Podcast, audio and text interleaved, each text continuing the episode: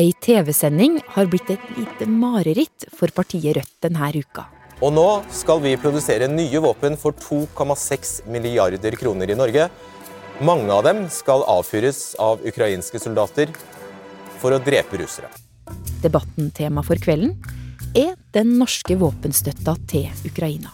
Gjør vi vondt verre, eller gjør vi vår plikt? Spørsmålet går til to politikere fra Rødt, med ganske så forskjellige svar. Da må eh, faktisk ukrainerne få lov til å få våpen til å forsvare seg. Og det er ren humanisme. Våpenet sendes i all hovedsak av Nato, med noen få eh, venner. Det som er Nato-linja i den krigen, dessverre, det er å holde den krigen gående. Og det er det siste her som får seerne til å sperre opp øynene. For det å si at USA og Nato vil at krigen skal vare lenge, det er ikke akkurat hverdagskost. Og det her får kommentarfeltene til å gå løpsk. Og nyhetene til å slå opp stort. I Klassekampen, i Dagsnytt 18 og i gårsdagens utgave av Debatten har flere i partiet tatt til orde for å endre på denne politikken. Forklare oss, Hva i all verden er det som skjer i Rødt? For Rødt er det eneste partiet på Stortinget som ennå ikke har sagt ja til å sende norske våpen til Ukraina. Og nå lurer alle på hvorfor. Du hører på Forklart fra Aftenposten. Jeg er Marit Eriksdatter Gjelland, og i dag er det fredag 20. januar. Rødt vil jo ikke sende våpen til Ukraina, og det er begrunnelsene for dette eh, som kommer fram, som kanskje er litt overraskende. Sigrid Gausen er politisk journalist her i Aftenposten. Altså, det flere reagerer på, er jo de påstandene om at USA og Nato ønsker at krigen skal vare lenge. Det, og det er dette her som er et tankegods enkelte mener bikker over i det konspiratoriske. Mens andre ting har jo en faktisk historisk forklaring. Alle partier er egentlig enige om at eh, Norge det er en fredsnasjon. Det er noe vi har sett på oss sjøl som i lang tid, og det er egentlig noe vi har gjort siden landet vårt stifta, og vi i hele tatt fikk en utenrikspolitikk. Altså det er noe som ligger i liksom sjølfølelsen vår.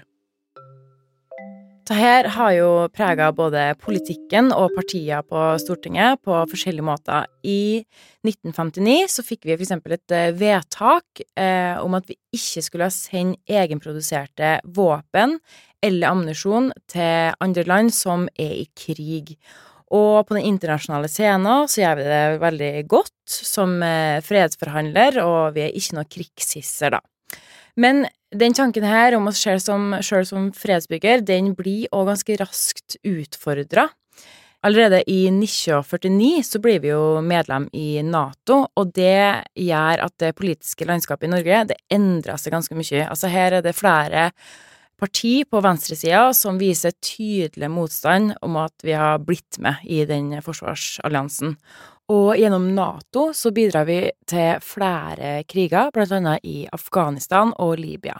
Men eh, altså den regelen fra 1959 om at vi ikke skal selge norskproduserte eh, våpen eh, til land i krig, den har stått fast. Eh, men dette her, det endra seg når eh, Russland invaderte Ukraina i februar i fjor.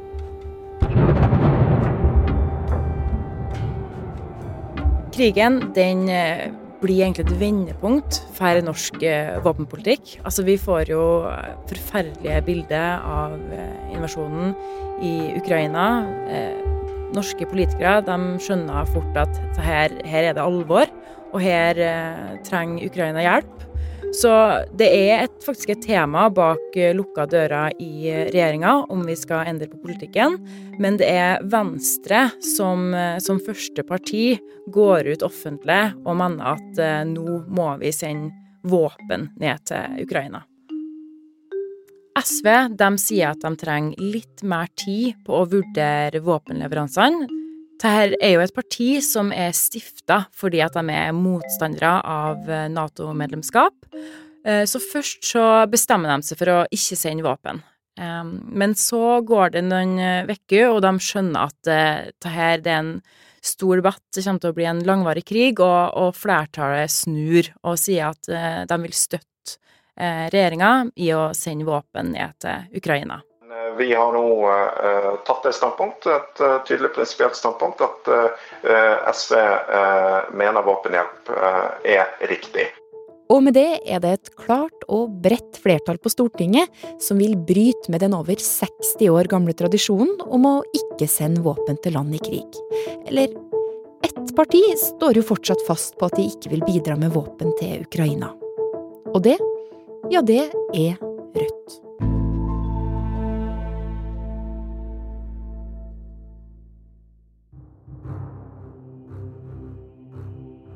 Dagene og månedene går. Fra våren, når SV snur. And the residents of Mariupol have woken up to death again today. Til sommeren. Ukrainian officials say they have retaken part of a key eastern city, while Russia reportedly uses unguided missiles in the Donbas region. Western military sources say a campaign by Ukraine is gathering pace to retake the Russian controlled city of Kherson. Høsten The mayor of Kiev has confirmed there have been several large explosions. Where officials say a barrage of Russian attacks on the power grid has left the nation in a critical situation. Til nå på vinteren.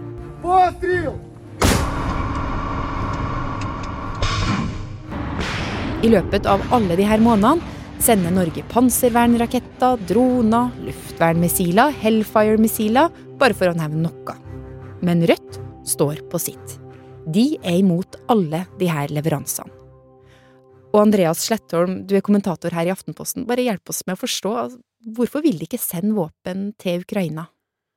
Ja, mange partier argumenterer på en slags sånn pasifistisk måte, nesten, om at uh, våpen inn i en konflikt forlenger krigen og gjør lidelsen for uh, sivilbefolkningen større. Og det er jo det som har vært norsk politikk tradisjonelt også, uh, sånn i prinsippet. Eh, ikke sant? Men, men, så er det noe litt rart med det også, for Rødt er ikke et uh, pasifistisk parti. De er ikke imot uh, at et land skal kunne forsvare seg, eller at land skal ha militærvesen.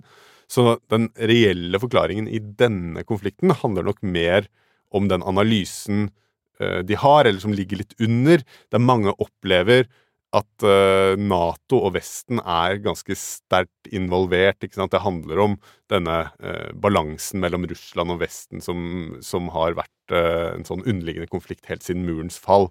og så er det sånn da, at i, i hvert fall gode deler av Rødt så er Nato-motstanden og den anti-amerikanismen sånn så sterk at, at de har lett for å på en måte peke på Nato som som skylden uh, for noe som har gått galt, så lenge de oppfatter at Nato er involvert på en eller annen måte.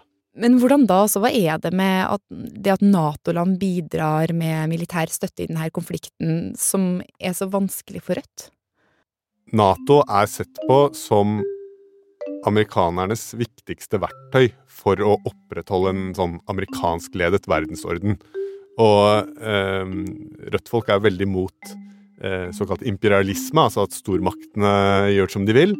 Eh, prinsipielt. Men i praksis så har dette vært nesten en sånn ren sånn antiamerikanisme. De er veldig opptatt av USA fordi Norge har et sikkerhetspolitisk samarbeid med USA. Det er vår, vår nærmeste imperialist, for å si det sånn. da. Og dermed så har de en tendens til å analysere veldig mange konflikter rundt om i verden eh, som eh, på en måte hvor at USA er problemet. Og mange steder så er det jo delvis sant, eller kanskje til og med helt sant, men eh, det er jo da en fare for at man eh, koker opp eh, teorier om at det USA, er USA som egentlig står bak alt som er gærent, at det er USA som egentlig vil kjempe mot Russland og i Ukraina, og at man glemmer helt at Ukraina har en selvstendig vilje og en egeninteresse også i denne konflikten. Og dette er jo et av mange syn på Nato, og den jevne Rødt-velger vil kunne nyansere dette litt, da. Men det som egentlig har skjedd i Rødt nå, er at flere og flere har gått bort fra å gjøre Nato til en viktig del av analysen om denne krigen, og de har blitt mer opptatt av ukrainernes egen forsvarskamp mot Russland. Og en del i partiet begynner med det også å lure på om Rødt egentlig gjør rett i å holde igjen våpenstøtta til Ukraina.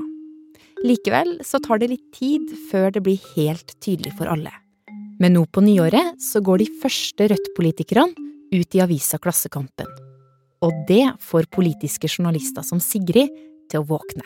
Da var det tre partiveteraner som gikk ut i Klassekampen og mente at partiet måtte endre standpunkt. At man måtte gjøre om på partiet sin politikk og faktisk støtte eh, våpensending til Ukraina. Og nå begynner ballen å rulle. For Arbeiderpartimann og byrådsleder i Oslo, Raimond Johansen, kaster seg også på. Innledningsvis så sa jeg at jeg var fornøyd med det samarbeidet med Rødt, men vi står det er en avgrunn i forståelsen av et så sentralt spørsmål. Det sier jo noe om hvor stor saken har blitt for Rødt, da. Altså, Johansen han frykta jo for sitt ettermæle, om han liksom sitter og skal samarbeide med noen som ikke har lyst til å sende våpen. Og da går han jo ut og legger på den måten politisk press på Rødt for at de skal ta egentlig et annet standpunkt. Men det eksploderer jo på ordentlig når den saken her går på Debatten på NRK, og alle forskjellige syn på eh, våpensending til Ukraina kommer til syne, egentlig, for eh, hele Norge. Så vi kan forstå at Ukraina, uansett om man liker styresettet eller ikke, de har rett til å kjempe mot okkupanten og mot øh, Ja, og de, støtter- den brutaliteten. Det støtter Rødt igjen. Det støtter opp. Ja, ja, men vi støtter ja, en motstandskamp, ja, ja, så skal da er det jo- og er det ikke naturlig hvis, at man da må det ha- hvis- da må de det bruke våpen? Hvis det skal bli fred i Ukraina, så er noen nødt til å jobbe for den freden. Det her med å ikke sende våpen, det har jo vært Rødt sin politikk i et år. Men det var kanskje på debatten at det var mange som fikk med seg at eh, partiet faktisk er så uenig da, med de andre partiene på Stortinget. Og det var noe overraskende å høre argumenter rundt eh, Nato og USA, altså at man ikke kan sende våpen, for da kan det hjelpe USA. Og i sosiale medier er det mange da som reagerer etter debatten, etter det som kommer fram her, da. Forskere går ut og motsier ting som har blitt sagt, og politikere reagerer veldig kraftig, og er jo opptatt av at folk skal få med seg at det her faktisk er Rødt sin politikk. Og det er som om Rødt sin utenrikspolitikk plutselig blir veldig tydelig for veldig mange i løpet av eh, den kvelden, da. Nå blir det også vanskelig for enkelte Rødt-politikere å sitte stille og se på. Da er det jo flere som føler for å flagge standpunktet sitt og si at de eh, vil at partiet skal snu. Blant så her så har vi da lederen i ungdomspartiet, og så har eh, Rødt-profil Mimir Kristjansson gått ut og sagt at eh, man må begynne å støtte eh, våpensendelse til Ukraina. Eh, Bjørnar Moxnes, har jo også, altså lederen, har jo òg fått eh, spørsmål om det her, men han sier at det skal avgjøres på landsmøtet i april, da. Så et slags svar kan vi kanskje få i april, da. Men Andreas, altså Har det noe å si, da, hva Rødt kommer fram til til slutt? Nei, det har jo ingenting å si for Norge og norsk våpeneksport til Ukraina. Men det er et veldig viktig spørsmål for Rødt. Hva slags parti skal det være? Hvor ligger egentlig eh, Rødts sjel? Eh, fordi det er mange gamle travere i dette partiet som har liksom, utenrikspolitikken og den skepsisen til USA og Nato som den kanskje den aller viktigste grunnen til at de har engasjert seg politisk. Det er helt sånn avgjørende for deres eh, oppfatning av verden. Eh, og, og det er derfor dette også er en vanskelig prosess, selv om det ser ut som om det nå går mot eh, at de snur i dette våpenspørsmålet. Eh, fordi de fleste medlemmene i Rødt de har jo meldt seg inn de siste åra. Under Bjørnar Moxnes, som har gjort kampen mot forskjeller i Norge mye mer sånn innadvendt parti. parti. Den kampen er liksom det som er Rødts kjerne. Eh, og, og, er, og mange av de tror jeg nok føler seg litt sånn fremmed når eh, all, eh, når liksom den mest sånn intense Nato-motstanden og antiamerikanismen viser seg, da. Eh, men de har jo, disse gamle traverne har jo tidligere landsmøter klart å få stort eh, gjennomslag, sånn at eh, også mot Moxnes' vilje. Så man skal aldri si aldri, men jeg tror at det har skjedd et vannskille i Rødt med denne krigen.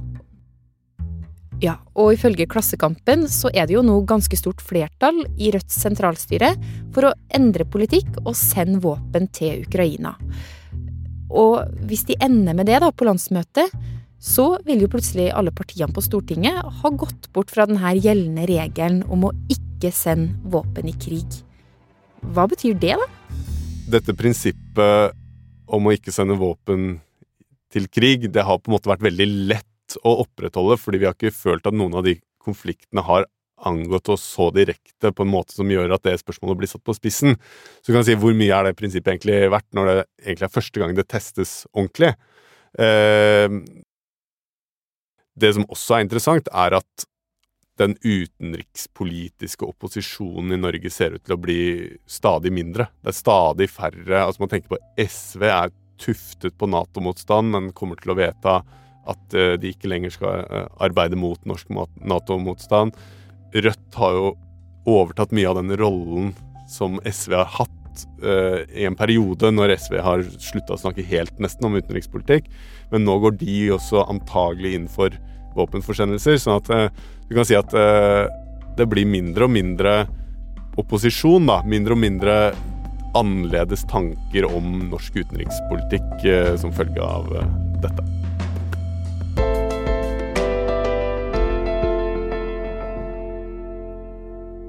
På Facebook har Rødt-leder Bjørnar Moxnes gått ut mot NRKs Debatten, og hevder verken han eller noen andre Rødt-topper var invitert til debatten før kvelden før.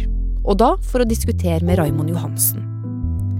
Forklart er en podkast fra Aftenposten, og i denne episoden har du hørt Andreas Slettholm og Sigrid Gausen forklare deg hvorfor våpenspørsmålet er så vanskelig i Rødt.